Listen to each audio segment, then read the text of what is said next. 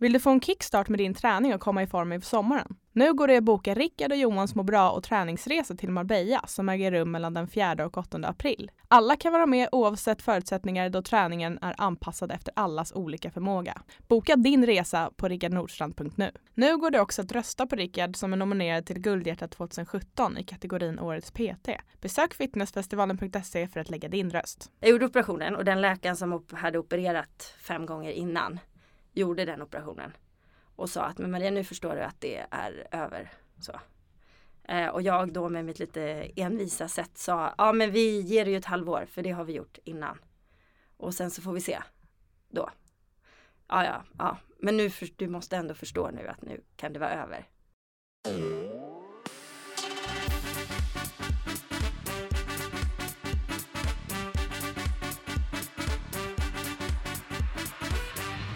Hej och välkommen till Träna för hjärnan med Rickard Nordstrand och Johan Norén.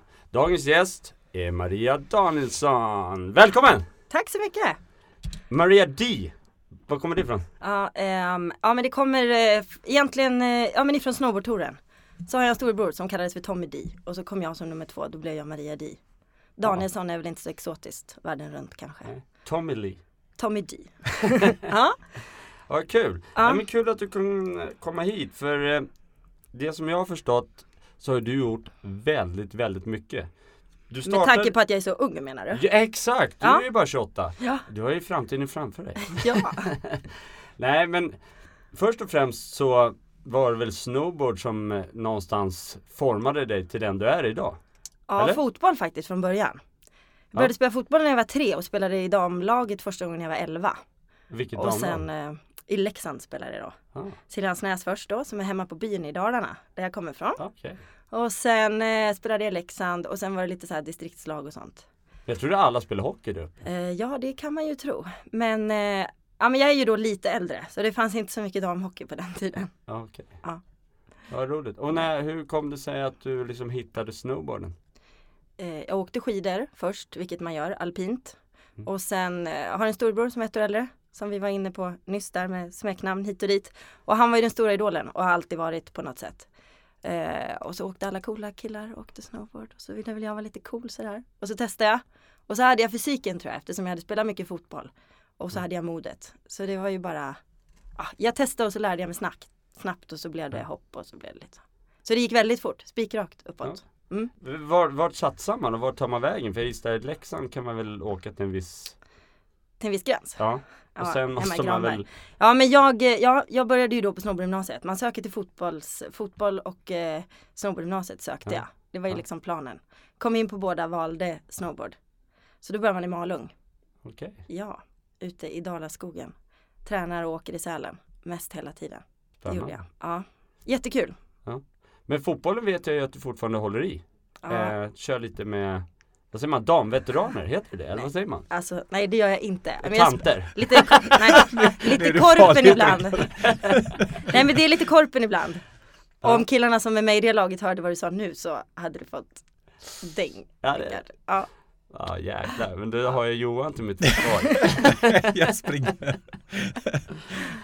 Ja jäklar. Vad är dialekten med? Vad, är- vad, vad har du, plockar du fram? ja men den kommer fram lite när jag är hemma. Är det så? Mm. Jag har gjort lite, lite radio hemma i Dalarna också. Då kommer den in ibland. För det har jag fått klagomål på att den inte finns med. Men mamma är från Finland också. Så hon, eh, ja, även om hon kanske har lite dalmål nu för de, vi har ju bott där uppe länge. Och jag är född uppe i Falun. Just det. Men sen, ja, jag flyttade hemifrån när jag var 16. Och sen flängt några varv runt jorden. Så det har väl blivit. Men du, du gör ju väldigt, neutralt. väldigt mycket grejer. Eh, ja, jag gör ju en hel del. Ja. Ja. ja. Och eh, Det är kul ju. det är superroligt att ha mycket att göra, det Ja. är det. Men, men så Ja. länge man inte liksom Ja, stressar upp sig och det blir liksom som man inte hinner med. Men så länge man har koll på det så är det fantastiskt att hinna göra mycket saker. Träffa olika människor och det är väl Ja. underbart. Ja, och det är en av mina drivkrafter. Ja. Att, ja men möten med människor och så göra utmaningar. Och, eh, och hela tiden på något sätt välja glädje. Mm. Jag har ju aldrig varit inne i den där snurren och varit anställd och Mm. gått till jobbet. Jobbat 8 till 4 och fått lönen den 25. Eller när man nu får den, varje Mm. månad. Eh, I och med att jag åkte snowboard på heltid under nio år. Så har jag liksom aldrig varit inne i den trygghetszonen om man säger. Och sen när jag slutade tävla 2010, sen dess har jag fortsatt driva mina egna grejer. Mm. Och jag har inga kids eller någonting att ha ansvar för än och då tänker jag då kan man väl gasa medan, Mm.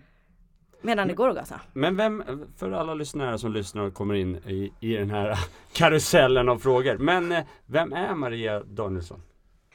Eh, ja men vem jag är jag? Men jag är från Dalarna.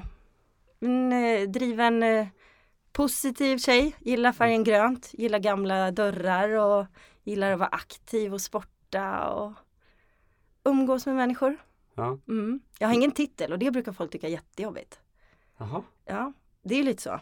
Jag jobbar med föreläsningar också. Ja men det, det, det har faktiskt min, eh, jag tänkte säga fru, men flickvän har varit och lyssnat på det. Hon säger den var jätte, jätteintressant. Ja, men det, ja, och det som är roligt tycker jag i drivkraften också när du frågar så här vem man är. Mm. Så är jag ju, och det är ju en stor grej, det vet du Rickard som har Mm. hållit på med sport. Johan kanske också har tampats med den. Att när man är inom jobb eller inom sport och så slutar med något, då är man inte den tillhörigheten. Mm. Och det är så enkelt, det är det vi gör här i Sverige när vi hälsar på någon. Så säger man namnet och sen, aha vad jobbar du med? Och så kan man sätta in någon i facket. Ja men jag är snickare. Okej, då vet du precis vem den här personen är. För då kan du slänga in dina värderingar och dina tycken och dina erfarenheter. Och så har du liksom format den personen. Och egentligen så vet du inte ett skit om personen kanske.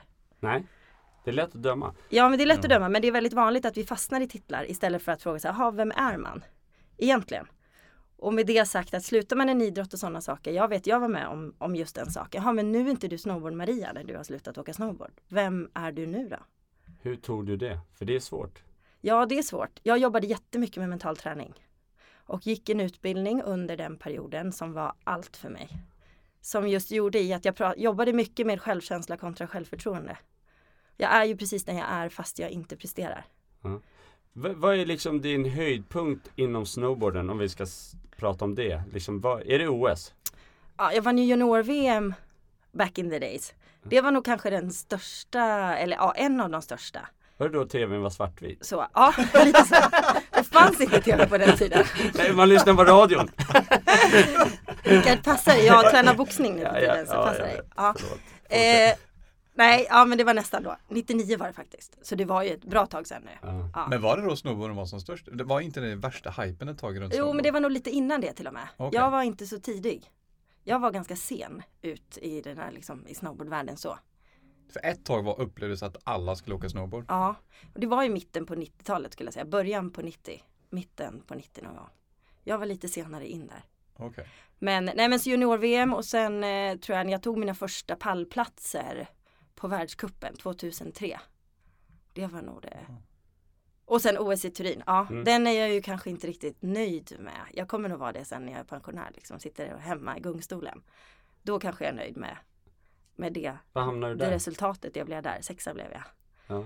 Wow. Men eh, jag sprang faktiskt med OS-facklan innan. Och det var ju en cool upplevelse får man Hur, säga. hur får man det? det? Hur det var det en sponsor. Nej det var en eh, eh, Den stora OS-sponsorn som väljer ut. Och då valde de ut tre stycken svenska tjejer. Som eh, sprang och då skulle de ha någon som stod för det lite sådär nya extrema. Det blev jag. Wow. Ja, men skitkul. Och det var verkligen en sån här upplevelse som jag kommer ihåg än idag. Som Ja, jag tyckte också att det var, det var nog större än själva OS-invigningen så tycker jag. Men hur var livet som eh, snowboardproffs då? Hur var livet liksom Ja, på touren och allt det här? glamoröst. Nej men för någon som aldrig varit med, det är ju jättespännande. Nej, ja det är, det är ju helt fantastiskt att få resa runt och eh, syssla med sin hobby. Det är ju, ja men det är jättekul. Samtidigt som det också är att bo i en väska, resa jorden runt, tävla på nya ställen i nya backar med nya hopp som du inte har någon aning om hur det ser ut. Du ska ta dig ner för en backe som är mellan 40 sekunder upp till en och en halv minut. Som består av kanske mellan 15 och 26 features, alltså så hopp, svängar och allting sånt. Det kanske vi ska dra till lyssnare för det finns två olika, det finns så här Ja, det finns- pipe. Ja det finns fler också. Det finns Ah. halfpipe och det finns big air, det finns slopestyle och så finns det då snowboardcross. Och det var det du, Det var det jag tävlade i. Ja. Okej. Jag åkte hi- eh, pipe först också, halfpipe först. okej. Som ju är en bedömningsgren när man Ah. åker själv. Och sen så tävlade jag då i, i eh, snowboardcross och det var det jag körde mest. Och det innebär att komma Då- ner så fort som möjligt? Eller? Ja, man åker fyra eller sex stycken tillsammans i en bana. Eh, startar samtidigt först ner vinner. Ah, Och den här banan består då av olika features på vägen som är hopp, svängar, olika hinder. Får man nudda de andra? man gör ju det. Det händer ju om du inte är först från start och Ja. fixar allting bra. Rickard, du tänker att du får sänka någon i backen? Nej men en liten Ja. knuff så om det, Ja, men det är händer. Ja, Det händer, du kan lägga in en protest när du kommer ner. okej. Går protesten igenom när du är diskad. Så att det, ja. Och du hinner inte, du vill inte göra det för att du vill bara fokusera på att ta den bästa vägen och vara först. Men var ni samma personer som åkte runt på alla de här ställena? Ja, Så det blev som ett Det är litet gäng som åkte Ja. runt eller? ja, och det är ju fantastiskt. Så jag har ju några av mina bästa vänner bor ju runt jorden nu idag. Och vi tävlar ju också jämför man med skidtouren och hit och dit så har ju vi både eh, dam och herr eller tjej killar tillsammans. Så vi åker ju precis, tjejerna åker precis samma bana som killarna. Så man reser ju runt stora gäng och har hur kul som helst. Måste Shit, man vad nog säga. Det låter ju Det låter som när du höll på med K1 eller? Du sa också att ni åkte runt och Ja, där, precis, exakt, det gjorde vi. Man, där åkte man ju runt själv, men man Ofta så var det ju samma eh, människor som åkte runt och gick de här turneringarna. Så man vart ju kompisar på något konstigt sätt. Fast man tävlade mot varandra. Så var det ändå en ömsesidig respekt Ja. som jag gillade. Ja så är det verkligen på den här touren också. Det kan man sakna. Mm. Men visste du, då visste man vad den andra hade för svaghet? Satt man och försökte lista ut eller, eller liksom hur Hade man liksom en, eller hur var det? Kan du komma ihåg? Hur, hur nära kompis Man blev vet man? ju inte vem man kommer hamna i samma hit som. Först åker alla själva i banan. Då Okej. åker man på tid. Och sen sätts, görs det då en stegring från vilka tider du har haft så sätts det ihop i hit. Så har jag haft den sämsta tiden på kvalet så sätts jag ihop med den som har haft den snabbaste tiden på kvalet. Och sen folk däremellan. Okej. Eh, så att man vet ju inte riktigt.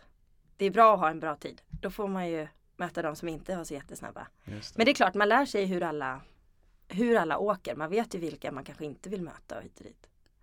Spännande. Men det är också utmaningen.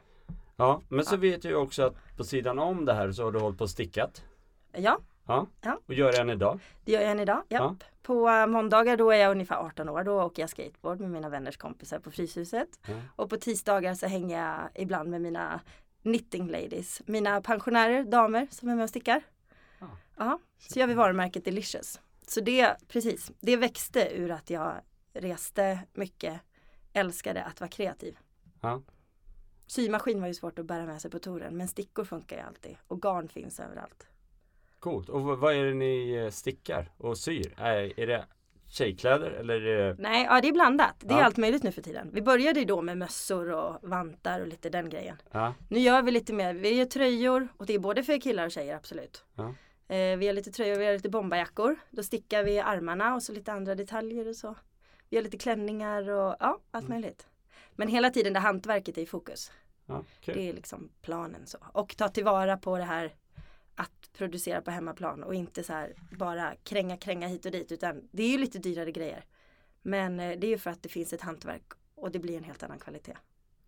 Men är det vanligt? Där? Vi, har ju- vi har haft gäster innan Sverige, Sverige exempel när man pratar om det här med Ja. kreativitet och, och ni har mycket kläder när ni tävlar och åker och så. Liksom, är det vanligt att man kommer in på just det här? Utifrån? Beror väl på vad man har för intresse tänker jag. För mig blev det ett sätt att fokusera bort från sporten. Att få vara kreativ och göra någonting helt annat. Det är lite mindfulness i att sticka. Att sitta där och göra de här grejerna. Då kan jag bara fokusera på att göra det. Och jag skapar någonting som blir någonting helt annat. Jag tror att det kanske hör ihop lite grann där. Sverre är ju också intresserad och Kaj av, av kläder och hela den biten. Så att det är, och reser man runt, man har ju så mycket tid på flygplatser, på flygplan, överallt. Då är det ju kul att få skapa något under tiden. Och innan iPhonen kom fram där, eller hur? När man- Precis.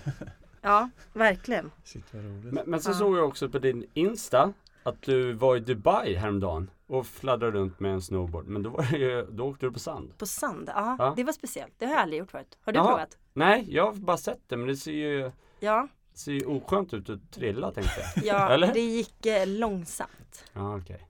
Ja, det gick lite för långsamt. Ja. Men kul att testa på. Kul. Ja. Jag har ju faktiskt, jag, jag hamnade i det här träsket också på 90-talet och skulle lära mig åka snowboard. Eh, och kom ihåg att jag sparade och sparade och liksom köpte, det var ganska dyrt. Jag köpte ju skor och brädan man skulle ha sådär. Och jag kan säga, hade inte jag köpt den där och varit så snål, då hade den varit i tusen bitar. För jag hade så ont i rumpan och mina handleder första dagarna. Ja. Vad är liksom, om du är där ute och liksom vill lära dig, vad är liksom de enkla tre sakerna du ska tänka på? Jag fuskade ju när jag lärde mig och jag har ju förstått att man inte får lära ut på det sättet. Men om jag ska lära någon vän åka idag så säger jag fortfarande det. Ja. Ta stavar. Aha. För har du stavar och kan luta dig mot och fuska lite grann. Nu skjuter väl alla lärare, alla snowboardlärare där ute skjuter väl mig nu. Men har du stavar som du kan luta dig mot så kan du liksom ta emot det lite grann och behöver inte ramla ner på backen. Och det handlar ju om att få hitta vikten på brädan, vart man lägger vikten. Våga luta sig framåt. Våga luta sig framåt, våga luta sig bakåt, våga böja på benen. Oftast har vi raka ben och då bestämmer brädan. Istället för att böja på benen och kunna, kunna bestämma över brädan. Så jag började faktiskt med stavar och så höll jag i, åkte inte så fort och så svängde jag liksom runt staven. Då gick det jättefort. Men annars så tror jag att det handlar om att, eh, att våga. Och att också våga hålla lite fart. För går det för långsamt så är det svårt. Det gäller bara att hitta själva svängarna. Har man liksom fixat dem, då kan det gå ganska snabbt att utvecklas framåt. Vad kul. Ja, där har ni. Köp stavar och snowboard ut i backen. Det var inte svårare än så. Man kan låna stavarna av någon kompis. Ja. Ja. Mm. Hur ser din träning ut nu då? Jag vet ju att du fick tyvärr sluta din eh, kärlek till idrotten för en skada i knät. Ja, eh, till snowboarden i alla fall. Ja. och till idrott eh, överlag eh, lite grann. Nu hänger jag ju på dig och tränar. Ja, det är underbart. Ja, vilket jag inte borde egentligen. men, eh, men det är ju väldigt roligt och det, det gör jag ju jättemycket för att man får den här tillhörigheten och vara med i någonting och träna i större sammanhang också. Ja, Man blir less på att träna själv hela tiden. ja. Men ja precis, jag har ju ett knä som är paj. Så eh, sju Och, operationer senare nu så har jag ju ingenting kvar eller vad ska jag säga. Jag har ingen brosk, ingen menisk. Men hur blev det så? Precis. Hur Eh, platta landningar, stora hopp. Men var det ett specifikt tillfälle där du liksom Ja, sex olika tillfällen. Ja, jag Bra. pärade första gången 2003.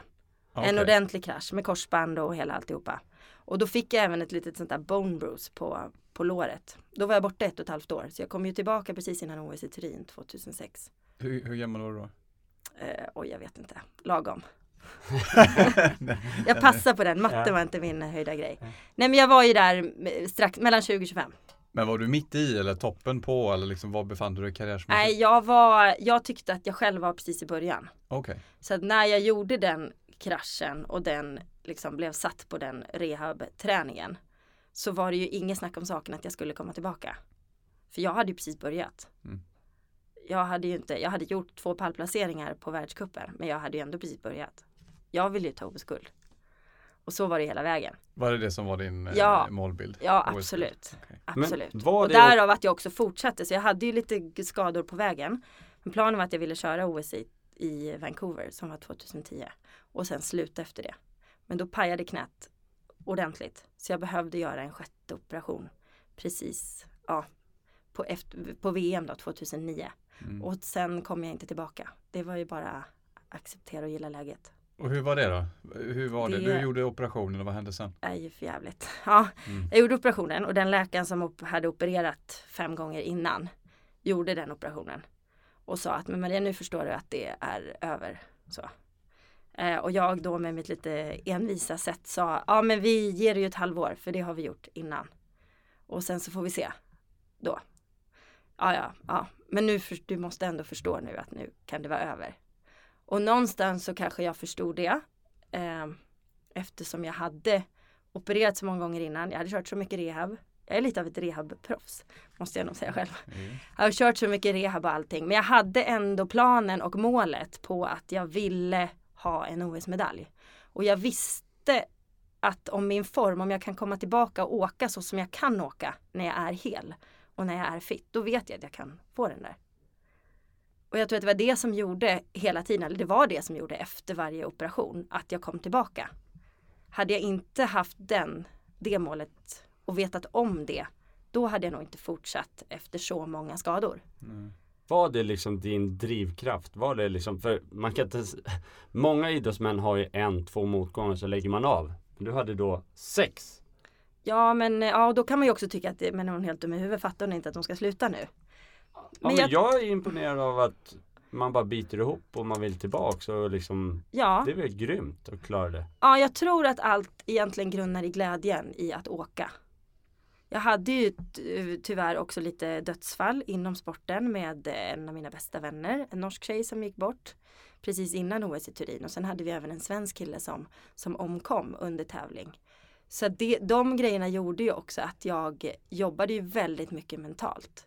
Men drivkraften till att fortsätta göra det jag tyckte var kul var ändå större än att fastna i någon typ av rädsla för, för att det skulle vara farligt att åka. Och det är väl den som jag tänker. Men hur tar man det då när ens bästa vän går bort i sporten som man själv utövar? Hur, Ja, det var tufft. var det i halfpipe? Nej, det var i, i snowboardcross. Det var okej. Ja. Och det var ju under en period när jag också var skadad. Jag hade ju aldrig tidigare förlorat någon. Jag hade ju farmor och farfar kvar, mormor och morfar och alla närstående så. Så jag visste ju inte riktigt vad det betydde att ha någon, någon som gick bort. Och sen så går då Line bort som en norsk tjej som, eh, som jag åkte och tävlade tillsammans med. Som jag hade gjort semesterplanerna när säsongen var slut. Vi skulle till Bali och surfa och vi skulle göra det och det. Och en av mina närmsta så. Och sen så hände det då henne. Det, ja men det var ju en pers såklart. Och jag sörjde, jobbade jättemycket mentalt. Och hur? Hur gjorde du då? Eh, ja men jobbade tillsammans med en tjej som fick mig att, att eh, göra om det som var sorg. Eller kanske inte göra om ska jag inte säga för att jag sörjde. Men jag satt också och letade och hittade just det här drivkrafterna och glädjen. Så det jag gjorde var egentligen att jag gjorde om. Eh, jag hade ju mitt mål att jag ville till OS. Och jag ville tävla OS och jag visste att Lines mål var ju också det. Så istället för att bli rädd och istället för att liksom fastna i att det här skulle kunna hända mig också. Så gjorde jag om det så tog jag med mig även hennes hennes energi. Nu kommer hon inte kunna göra det. Då är det upp till mig. Då är det mitt ansvar att ta med sig hennes kraft också. Så jag blev liksom dubbelt så stark på något sätt. Jag hade dubbelt så kul för att jag fick ju också henne med mig och, och göra det. Det kan låta konstigt men jag gjorde om det på det sättet. Och samma sak efter att då Jonathan, eh, våran svenska lagkille som också tyvärr omkom eh, två, våren 2006 eh, på samma sätt där. Varför gjorde han? Varför åkte han snowboard? Jo men han gjorde det för att han tyckte att det var roligast i världen. På samma sätt som Line tyckte också att det var roligast i världen. Och jag tycker ju också det. Så istället för att bara sluta och inte göra det vi tycker är roligast i världen så fortsätter jag ju och tar med mig dem. Deras energi, deras spirit, deras mål till att göra det. Så jobbade jag. Och hur tog du hjälp då? Ba- Bad du om hjälp eller fick du någon som hjälpte dig? Alltså Nej, som kom? jag eh, bad om hjälp. Och det gjorde jag första gången där efter att Lina hade gått bort. Och eftersom jag var skadad under den perioden så eh, kände jag att nu behöver jag hjälp. För nu börjar hjärnspökena där inne härja lite grann. Och jag vill inte behöva vara rädd för att hoppa ett stort hopp eller hit och dit.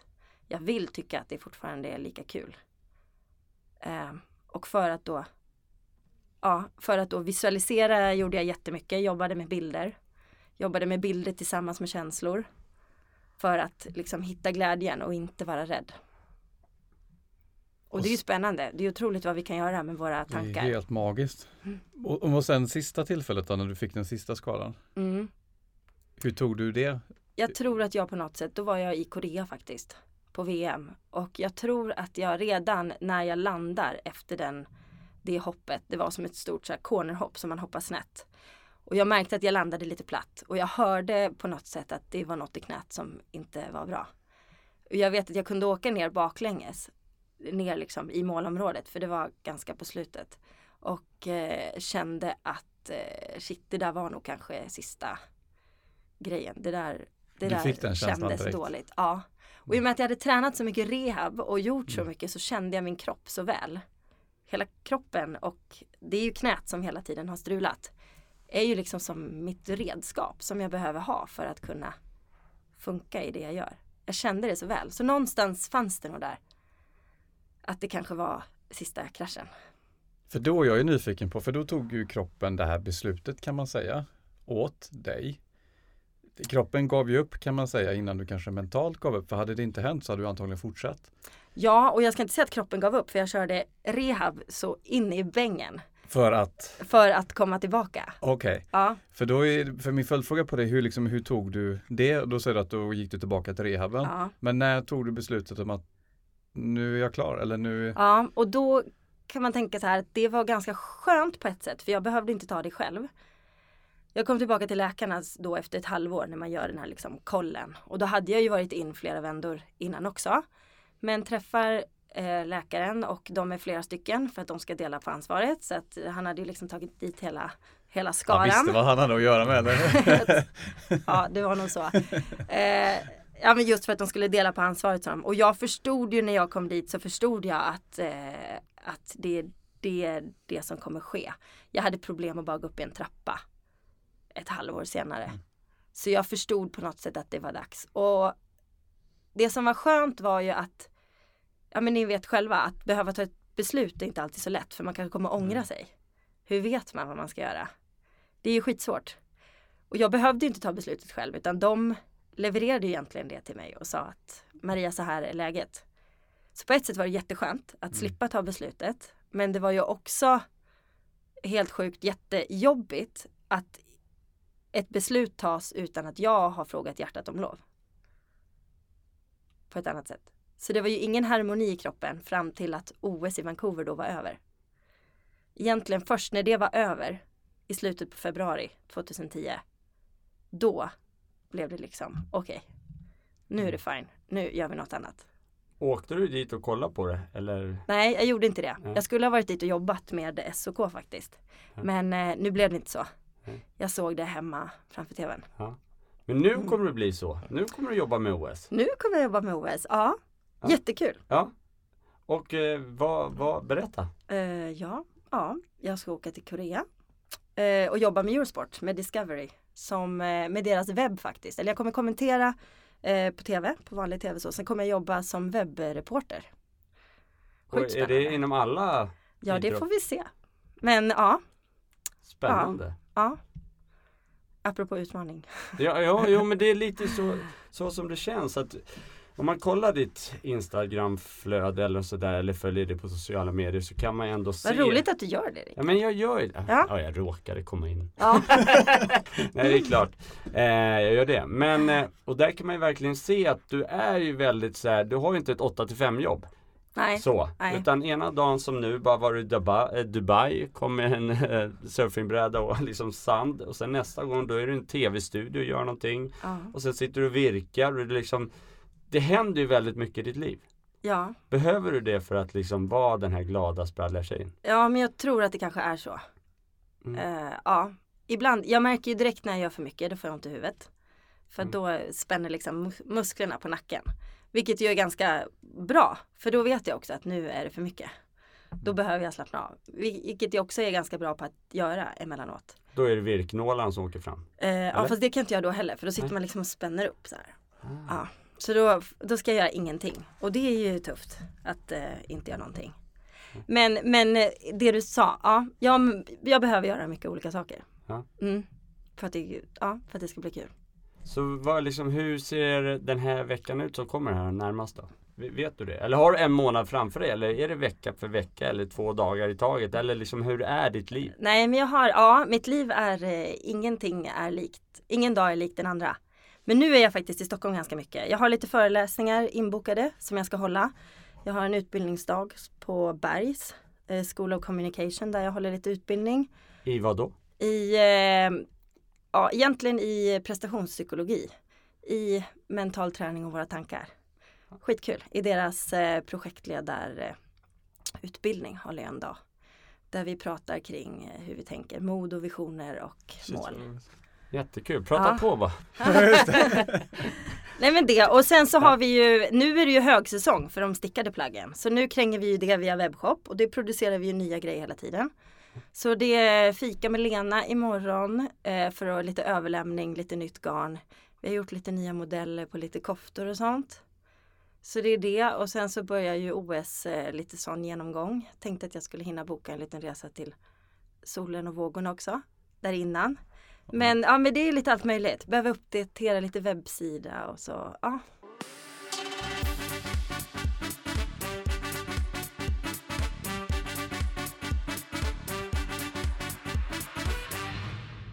Om vi backar bandet till när du var snowboardproffs. Är det säsongsbetonat? Kör man liksom sex månader och sen är man fri eller kör man liksom året Nej, man, runt? ja, man börjar ju på snö i juli kan man säga. Ja. Och så ligger man på snö juli fram till december och nöter och tränar. Ja. Isiga glaciärer. Alltså jag kan inte förstå nu hur jag kunde hålla på med det. Nej. Då. Och sen tar man brädan och åker man till Bali. Och sen tar man brädan och åker till Bali, exakt. Visst är det det så? låter ju flott. Ja, Nej men man är ju ledig då. Sista tävlingarna går i slutet på mars. Då kanske man är kvar i vintersäsongen under april och gör lite grejer med sponsorer och sådana saker. Och sen är man lite ledig i maj. Och sen är det ju det är fysträning som gäller. Ja. Så Wow. att det är inte, ja det är ju helårs om man gör det på heltid och vill bli bäst i världen. Det vet ju du. Jo absolut, men, men för mig, vi pratar ju fördomar och sådär, men en snowboardåkare för mig det är ju liksom någon som liksom sitter och röker maja och chillar i backen och sen åker till Hawaii och åker lite stora surfvågor och sådär. Ja. Men, Men, eh, är det det fortfarande egentligen? nej det tror jag absolut inte det är. Det är Nej. väl någon film som jag sett som jag tyckte var cool. Ja. Eh, point break. Eh, exakt. Eh, så det var väl där min vision var att jag skulle bli cool surfare tänkte jag. Ja. Men det, det vart inte så. Nej. Det är Men inte för sent än. Nej, fan, jag håller på att spara ut hår, ser du inte? Jo, jag Ja. har sett det. Ja. Jag har ju undrat över det också, Ja. vad grejen är. Så Ja. börjar bakifrån. Det är surflucken. tänkte det. Det är en jäkla utmaning när man surfar. Alltså. Jag har försökt några gånger. Svårt. Jag gick i sån surf, eh, eh, surfkurs. Ja. Men det slutade med att jag, jag kom inte upp. Jag fick sån här lång bräda, blå. Jättelång nybörjarbräda. Men så höll jag på en timme och så kom jag inte upp och så sån här som folk bara upp, upp, upp, ta bort den där, du är ju skugga här borta Nej men på lite stranden. så, men det blev så dyrt också för då hade vi trångt garage där vi bodde och så satte jag den i garaget och så när, och när jag hade parkerat så åkte den ner utan jag märkte det. Så backade jag över hela brädan när jag skulle åka ut så stod jag och slirade på det. Så det var ju sån glasfiber så jag var helt krossad. Så jag fick betala Den nybörjarkursen och en ny bräda utan att ha kommit upp. Det är mina minnen från min surf. Ja. Så att vi får kämpa på det. Det är jättekul. Men det är svårt. Det ser, det ser ju härligt ut svårt, för de som är ja. uppe och eh, glider runt på vågorna.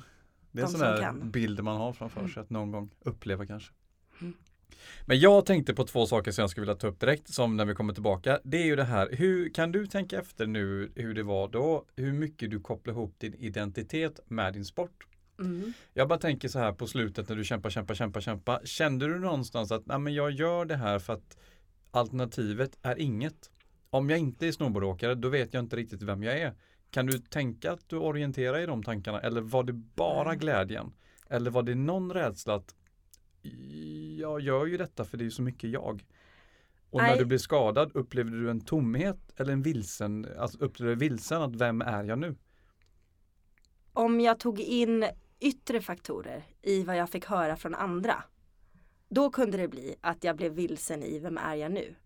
Men gick jag bara på vem jag var och i och med att jag jobbade jättemycket mentalt under den perioden Just det. så, så behövde jag inte riktigt hamna i det, liksom, om vi säger träsket, i att man mår dåligt för att hitta, hitta identiteten. Jag hade så mycket som jag ville göra, så snarare var det problemet. Det är fortfarande problemet. I att vad ska jag göra? Jag vet att när jag slutade så var jag sjukt less på att behöva äta, sova och skita för att jag själv skulle bli bäst hela tiden Mm. jag kände att nu vill jag göra någonting för andra. Något som har ett värde för andra. För nu har jag hållit på med det här så länge och det är bara något som ger mig glädje. Men då hade du en utmaning i att du hade alternativ som du skulle kunna välja mellan. Men det som jag upplever det är att man har eh, man kopplar sin identitet till det man gör Mm. men man har inga alternativ. Nej. Så då blir ju stressen att man är kvar i någonting som man inte trivs med. Mm. Men man har inte heller något alternativ att gå vidare. Nej. Och där bildas på något sätt ohälsa för där mår man ju oftast dåligt. Mm. Och jag tror att det är jättevanligt. Och det är det Inte jag ville inom prata med dig om. För jag Ja. förstår ju att du har gått, och du sa ju det första du sa att "Nej, men jag bara accepterar och går vidare. Det, det, det är ju en stark förmåga Mm. om det då går så fort. Det är klart Mm. att det kanske är en efterhandskonstruktion för det kanske tog lite tid. Ja och det men tog många tid har för ju jag visste svårt inte. där. Där Ja. man får en identitetskris. Absolut. Men, och den tänker jag att den kan ju ha än idag. En identitetskris. Och jag tror att många lever med den också. Nu gör ju jag så mycket olika saker. Så jag har ju inte bara en identitet i det här. Utan jag kan ju skapa det i många. I den och den och den och den delen. För det är ju viktigt. Människan mår ju bra av att få vara en tillhörighet i någonting. Så är det ju inom allt. Och det, precis som du säger, det är där den här eh, ohälsan eller liksom den psykiska aspekten kommer in i att vi känner oss ensamma, värdelösa och inte mår bra. Om vi inte får tillhöra någonting. Mm. Men den kan man ju hitta i små andra delar också tänker jag. Den behöver man ju inte alltid hitta via sin titel, via sitt jobb. Utan jag tror att man kan hitta den inom andra delar. Det gäller bara att hitta det där. Det, där tror, det där tror jag som du säger. Många, många som man har pratat med, som vi har pratat med, de har ju liksom inte haft de här sysslorna vid sidan om. Så när de slutar då blir det ju liksom, det blir tomt. Mm, det blir Liksom- svart. Ja, och, Mm. och det är klart att tankarna sätts igång och man börjar fundera och liksom, vem är jag, vad ska jag göra nu? Men Mm. då har man liksom fem, sex projekt vid sidan om. Då sysselsätter man hjärnan och jag, Mm. jag tror det kan vara Jag tror att det var så jag verktyg. gjorde. Ja. Jag tror att det var så jag gjorde. För att inte hamna in i det där så la jag liksom tiden på det som istället gav någonting.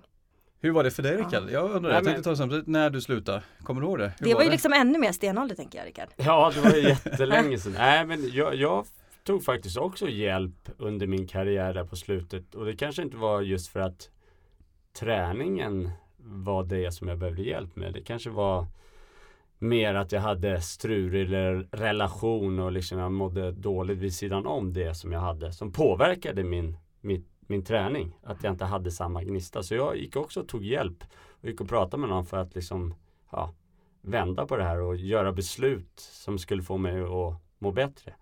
Eh, så, så, nej men jag tror det är liksom nyckeln, att våga ta hjälp. Mm. Och liksom så här, för ibland behöver man det. Och sen är det en sak, jag kommer ju från en individuell sport och det gör ju du också. Där är man ju väldigt, väldigt utsatt. För det är liksom, det är du som förlorar. Det är du som har gjort ett dåligt resultat. Är det en lagidrott då kan man alltid liksom gömma sig bakom laget.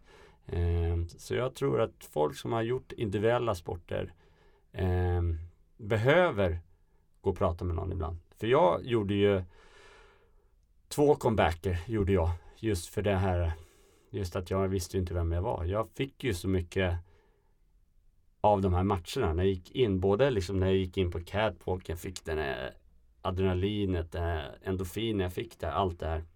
Så det var ju nästan som en, en drog för mig. Och just att man när man var ute på stan, folk kom fram till en och sa Fan vad duktig du är och när går nästa match och liksom du är liksom Sveriges hjälte och allt det här. Så liksom man bara wow, fan är jag? Fan vad kul. Och liksom man vill ju inte göra folk missnöjda. Så man levde ju upp till det där och man ville göra det. Eh, bara att kraven vart ju högre och högre. Och sen då den dagen man skulle säga nu ska jag sluta. Eh, det var svårt. Det var svårt faktiskt. Mm. Jag tänkte också fråga om man lyssnar nu på det här avsnittet och man själv håller på med någon form av rehabilitering. Vad har du för tips och råd? Där man är i rehabilitering. Man kanske till och med fått ett bakslag. Mm. Man är på väg fram och så åker man på någonting i liksom den här vägen fram. Vad har du liksom för råd att hantera rehabilitering? Ja, stressa inte. Utan snarare låt det ta tid.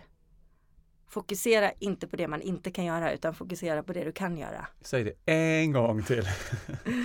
för det här är ju så som du säger, att man vill ju kanske gärna forcera. Mm, Man får, ja men det kommer ta nu sex, åtta Mm. veckor. Då, ja men då ska jag fixa det på tre. mm. Var du med om det själv, Ja. att man ville liksom Ja, ja, påskynda det? Första gången när jag pajade knät så sa ju läkarna, men Maria det är ett korsband nu och så har vi gjort den här och så har vi plockat lite menisk och lite sådana saker. Du vet, nu, det här tar ungefär ett halvår. Sex månader brukar man ge det när det är ett korsband. Ja, ja, ja, så jag var lite så här kaxig som, som tyckte att jag tränade bra och jag pajade inte korsband tyckte jag inte då Men visst, först. det, jag kan känna igen det där. Som tävlingsmänniskan är man lite så att sex månader, äh, jag gör det på fyra. Exakt Visst så var det jag. så? Ja, Men ja, jag ja. möter ju det Ja. av alla som är sjukskrivna. ja. De säger ju exakt samma sak. Ja. Man vill ju inte lyssna på det utan man vill hitta en egen tolkning. Hör jag sex månader, jag fixar det på tre. Hör Ja. jag ett år, jag fixar det på tre. Alltså du vet, Ja. Men det gäller ju då att inte bli stressad heller. Om du inte då kan sitta och ens cykla på cykeln efter två månader. Så kanske du inser att du också måste bli klok nog att lyssna på att någon annan har erfarenheter och vet kanske hur det är. Men den är inte så lätt. Och är man idrottare och så här vill framåt och aldrig nöjd. Då är det ju inte, nej, då är man inte alltid klok.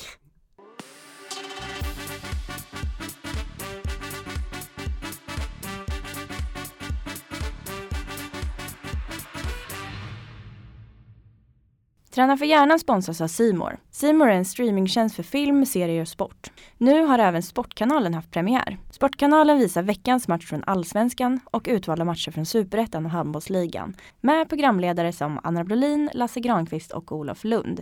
Besök simor.se eller sportkanalen.se för mer information. Om jag säger ordet stress, vad tänker du på då? Då tänker jag på prestation. Hur hanterar du stress då? När du står på startlinjen, man har, tittar sneglar, det är tre stycken som står där, man vet att två stycken är jättebra. Hur Mm. liksom, Då tänker jag mer nervositet än stress. mm, Och nervositet kan ju vara positivt, positivt också. Mm. Jag har aldrig varit så nervös någonsin som jag var när jag också har presterat bäst. om, om vi backar bandet till när du åkte snowboard och eh, jag kan ju bara se till mig själv. Jag hade ju folk runt mig som var jätteduktiga på träning men kunde inte kontrollera nervositeten på matcher. Det liksom låste sig, de spydde innan och liksom, då var det ju helt negativt. Hur kunde du, hade du kollegor som inte kunde hantera det lika bra som dig? Ja, Eller- det hade jag nog. Och eh, ja, där tror jag också att jag har väl alltid haft ganska lätt för mig inom sporter och inom alla sådana saker. Jag är så här lilla syster till en storebror och, som har fått göra allt och bara kört järnet på något sätt. Och har nog haft ett ganska starkt psyke. Även om jag var så här, när jag var liten var jag ganska rund och blev lite mobbad för att jag var tjock och hit och dit. Men eh, Men då var du snabb i backen. Ja det var jättesnabb i backen. Väger man mycket så åker man ju fort. Det vet vi ju alla. Eh, nej men jag tror att eh, Jag tror att jag alltid har varit ganska stark. Som person. psykiskt Ja. så, som person. Här, lilla syster som alltid bara har gasat. Och sen tränade jag med killar. Jag åkte och tävlade med killar för jag var enda svenska tjejen under många år. Vilket gjorde att jag var ju alltid, inte alltid, men oftast, för vi har inte samma fysik som killarna. Jag, var, jag behövde alltid steppa upp för att komma ikapp. Jag behövde alltid jaga. Och jag tror att det är positivt. Att träna med sådana som är bättre. Eller göra någonting med de som redan kan. Eller de som, för då lär man sig alltid någonting och man behöver alltid pusha sig lite till för att komma, komma dit på något sätt. Det är kul att du säger det, för jag säger, håller med dig till 100%. Jag var alltid den som var minst eh, och fick liksom lära mig för att försvara mig, för annars skulle inte jag kunna liksom överleva. Eh, och sen tyckte jag att titta, jag tittade också, iakttog väldigt mycket på de som var bättre och försökte snappa upp och sånt där. Så, och det kan jag tycka är en sak som man ska lägga in i träning för att utveckla sig själv. Det är att titta mycket på den idrotten man ska göra, för man lär sig mycket av det också. Ja. Men vad kan du ge för tips där då om man tänker tvärtom? Ja, men om jag skulle springa med dig här nu då är ju risken att jag kommer efter. Det innebär att jag är en sämre person. Att träna för, med någon för mig som är bättre det är helt otänkbart. För det innebär att jag kommer vara sämst. Mm. Om man du vet sitter med en rädsla för att Mm. vara då exempel, ja men åka på en träningsresa. Det är helt otänkbart. För tänk om alla andra är jättevältränade Mm. och jag är si och så. Att man, liksom, man vänder på mekanismen. Mm. Hur skulle man kunna ta hjälp där Och då tävlar du ju mot en annan människa. Exakt, och hur kan man vända på det så att det blir någonting? För du säger ju att det, det är positivt att träna med de som är bättre. Ja, tror Men- jag. Ja, och Ja. det tror jag många kan hålla med om. Men det finns ju också en rädsla i det, för då finns ju rädslan att jag kommer sist. Ja. Och då måste man ju också våga ta det steget, att våga vara sist. Tror jag.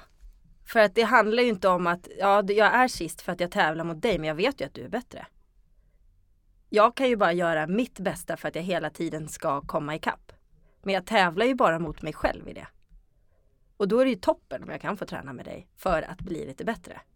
Och tro, hur tror du man kan ändra den eh, alltså, mekanismen i tankarna där? För att okej, Mm. nej men jag, du... Det handlar, jag tror att det handlar om mod. mm, att våga ta steget och våga också förlora.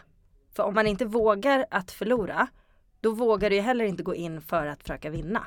Nej men jag, jag kan ju falla tillbaks till det här att jag tycker det kan vara bra att lära sig förlora. Och därför är jag så jäkla arg att man har tagit bort vinna och förlora i barn eh, idrott.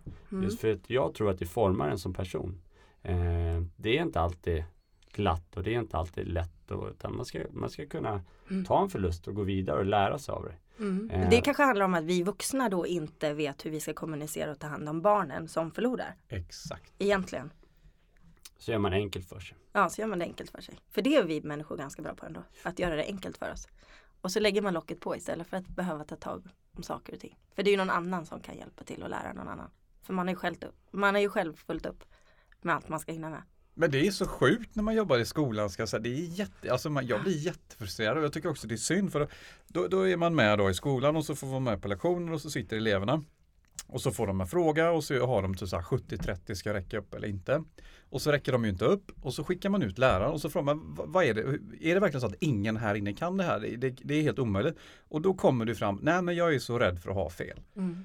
Alltså även om jag i princip vet att jag har rätt så liksom du vet, tänk om jag tappar, alltså du vet det är massa sådana här Mm. hindrande tankar. Mm. Det, och det verkar ju följa med sen upp i livet att man styrs mycket av de mekanismerna. Ja, och jag tycker att det också kan vara åt andra hållet. För jag, om jag håller föreläsningar eller gör någonting i skolor eller med yngre barn så kan jag ha att jag jobbar med och ställer en, en, eh, har en frågeställning som jag ställer till både i grupper där jag möter barn och i grupper där jag möter vuxna. Där barn kan ha jätteenkelt för att svara på till exempel eh, säg någonting som du är bra på. Då har ju barnen liksom skrikit ut fem olika saker på tre sekunder. Medan en vuxen sitter och vrider på sig och vänder på sig och kan inte alls svara. Och efter ett tag kommer det fram att ja, men jag är ganska duktig på att städa i alla fall. Så det är ju också en balans i det där. Att vi som barn är oförstörda. Men sen när det kommer in värderingar och fördomar och alltihop, då ska vi inte vara någonting. Nej. Eh, Så den är ju, ja. Och det roliga är när man vänder på den nämligen sen, ah, okej men då får du berätta vad du inte kan. Då blir många jätteglada. Ja Mm. absolut, nu Ja, för det är lätt att får säga. du tre A4-papper. ja, ja. Eller berätta om kompisen. ja, För men det precis. kan man göra. Exakt. Men man kan inte säga om sig själv. Nej. För då är man, nej då är man inte så svenskt och inte så lagom. Då är man ganska kaxig. Skönt att du sa det just svenskt för det är väl lite så, så som Ja, man det är ser. så sjukt tråkigt egentligen. Och det handlar ju inte om att Lätt och lagom. Det handlar ju inte om att vi behöver att man, man kan väl vara ödmjuk till det. Men ibland, och jag, om jag kan tycka att jag är en härlig person, ska jag inte kunna säga det då? Du behöver inte tycka att jag är det. Men jag kan väl tycka det själv och då kan jag väl våga säga det. Tycker du inte det? Nej men då tycker du inte det. Skiter väl jag i dig då. Men så behöver jag inte bli kaxig för det. Men jag tror att vi behöver själva våga framhäva lite mer våra positiva saker också. Annars är vi ju vi är sjukt hårda mot oss själva. Det är inte rättvist. Nej. Nej, absolut inte. För då kommer vi in på det här med våga och så driva. Du är jätteentreprenör. Eh, ja, det är jag nog. Ja. hur, eh, hur skapar man mod för det? Eh, ja, men jag tror att jag är väl för dum för att fatta något annat. Nej, men tillbaka till det som vi pratade om innan. Jag har aldrig liksom varit inne i trygghetszonen så. Utan, och har inte ansvar för någon annan. Utan jag kan bara, jag kan gasa och göra saker jag tycker är kul. Men kan det vara tryggt då att ha sig och förlita sig på sig själv? Alltså Ja, du har ju dig själv som trygghet kan man Ja, säga. ja, absolut. Hur skulle man kunna inspirera till det? Ja, men- jag vill också driva företag. Jag sitter ju här med Jag värsta kör, bilden av en kofta jag vill sticka. Ja, Men det är väl ingen som kommer köpa den, du vet. Nej men det vet du ju inte om du inte har testat. Man måste ju våga försöka. Och vad är det värsta som kan hända? Det är en fråga som jag tycker är jättebra i allting man gör egentligen. Att bara ställa sig frågan, vad är det värsta som kan hända om jag försöker? Oftast om man ställer sig den frågan, då är svaret inte så svårt. Eller inte så konstigt. För det värsta som kan hända, ja, jag ställde den frågan någon gång när jag höll en föreläsning om eh, Och hade precis då pratat om de här Lina och Jonathan som är vänner till mig som omkom i sporten. Och då sa de, ja det är att du kan dö. Och ja det är ju sant och då är man ju liksom on the edge. Man kanske inte behöver dra sig dit men i frågorna i, när man, som man kanske ställer sig att ska jag göra det här eller ska jag göra det här? Då är ju oftast inte, ja men jag kan dö. Är ju Nej. kanske inte den stora eh, det stora svaret som kommer upp. Utan det kanske är, ja men jag kanske förlorar lite pengar. Eller de här kanske tycker det. Eller det där kanske händer då. Det kanske inte är så farligt. Men, men hur ser din vardag ut nu då, efter din karriär som idrottskvinna?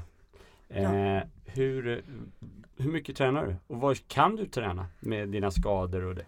Ja, det är ju väldigt eh, begränsat i perioder. Ibland tränar jag inte alls och då måste man ju hantera det, hur man inte gör det. Jag hade en period efter mina skador och alltihopa där jag hade, där jag inte tränade någonting. Och övade mentalt på att inte ha dåligt samvete för att inte träna. Jag kan ju känna nu att jag eh, tränar och jag tränar för att mitt knä ska hålla. Det är egentligen motivationen till varför jag tränar. Ibland kunde jag önska att jag hade motivationen till att träna för att typ se snygg ut. Men den finns liksom inte tillräckligt. Och så märker ni att jag typ börjar skratta åt det. Men vilket många, eh, många har nog den motivationen. Det kanske man, eh, ja, det kan jag önska lite grann att jag hade. Men jag har inte riktigt det. Jag saknar ett mål inom träning. Som sagt, målet nu är att vara hel så att jag fortfarande kan åka lite snowboard. På den nivån jag kan. Det kan jag ju inte alltid. Springa kan jag ju inte riktigt alltid göra. Eh, så kampsportsfys som jag tränar ibland borde jag ju inte riktigt göra. För jag du med ett leende. Ja. Nej men vi tränar ju tisdag och torsdag Ja, det är ju svinkul. Ja. Men jag får ju äta upp det ibland också. Får du det? efteråt. För att jag kanske inte kan gå på två dagar. Typ. Nej. Men då frågade jag dig häromdagen och då sa ju du faktiskt att målet var att du tränade nu inför att kunna åka lite skidor i vinter. Ja, ja det är det. Fjolåret gick eh, kast. Då eh, åkte jag bara några dagar faktiskt och hade skitont hela tiden. Oj. Jag får åka baklänges. Så man får lära sig att hantera det också. Kan jag oftast inte åka snowboard så kanske jag kan åka skidor.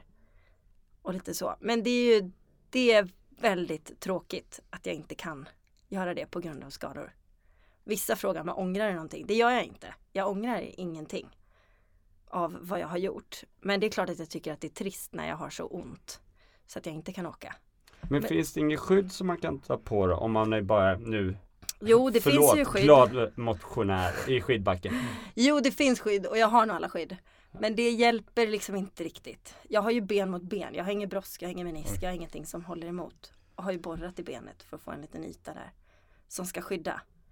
Shit vad skönt det låter. Det... nej men det är ju, eh, ja nej. Jag har ju också lärt mig att hantera smärta. Det gör man ju. Det vet ju säkert du. Ja. Eh, man lär sig hantera de skador man har och så lever man med den smärtan så att den blir ganska normal.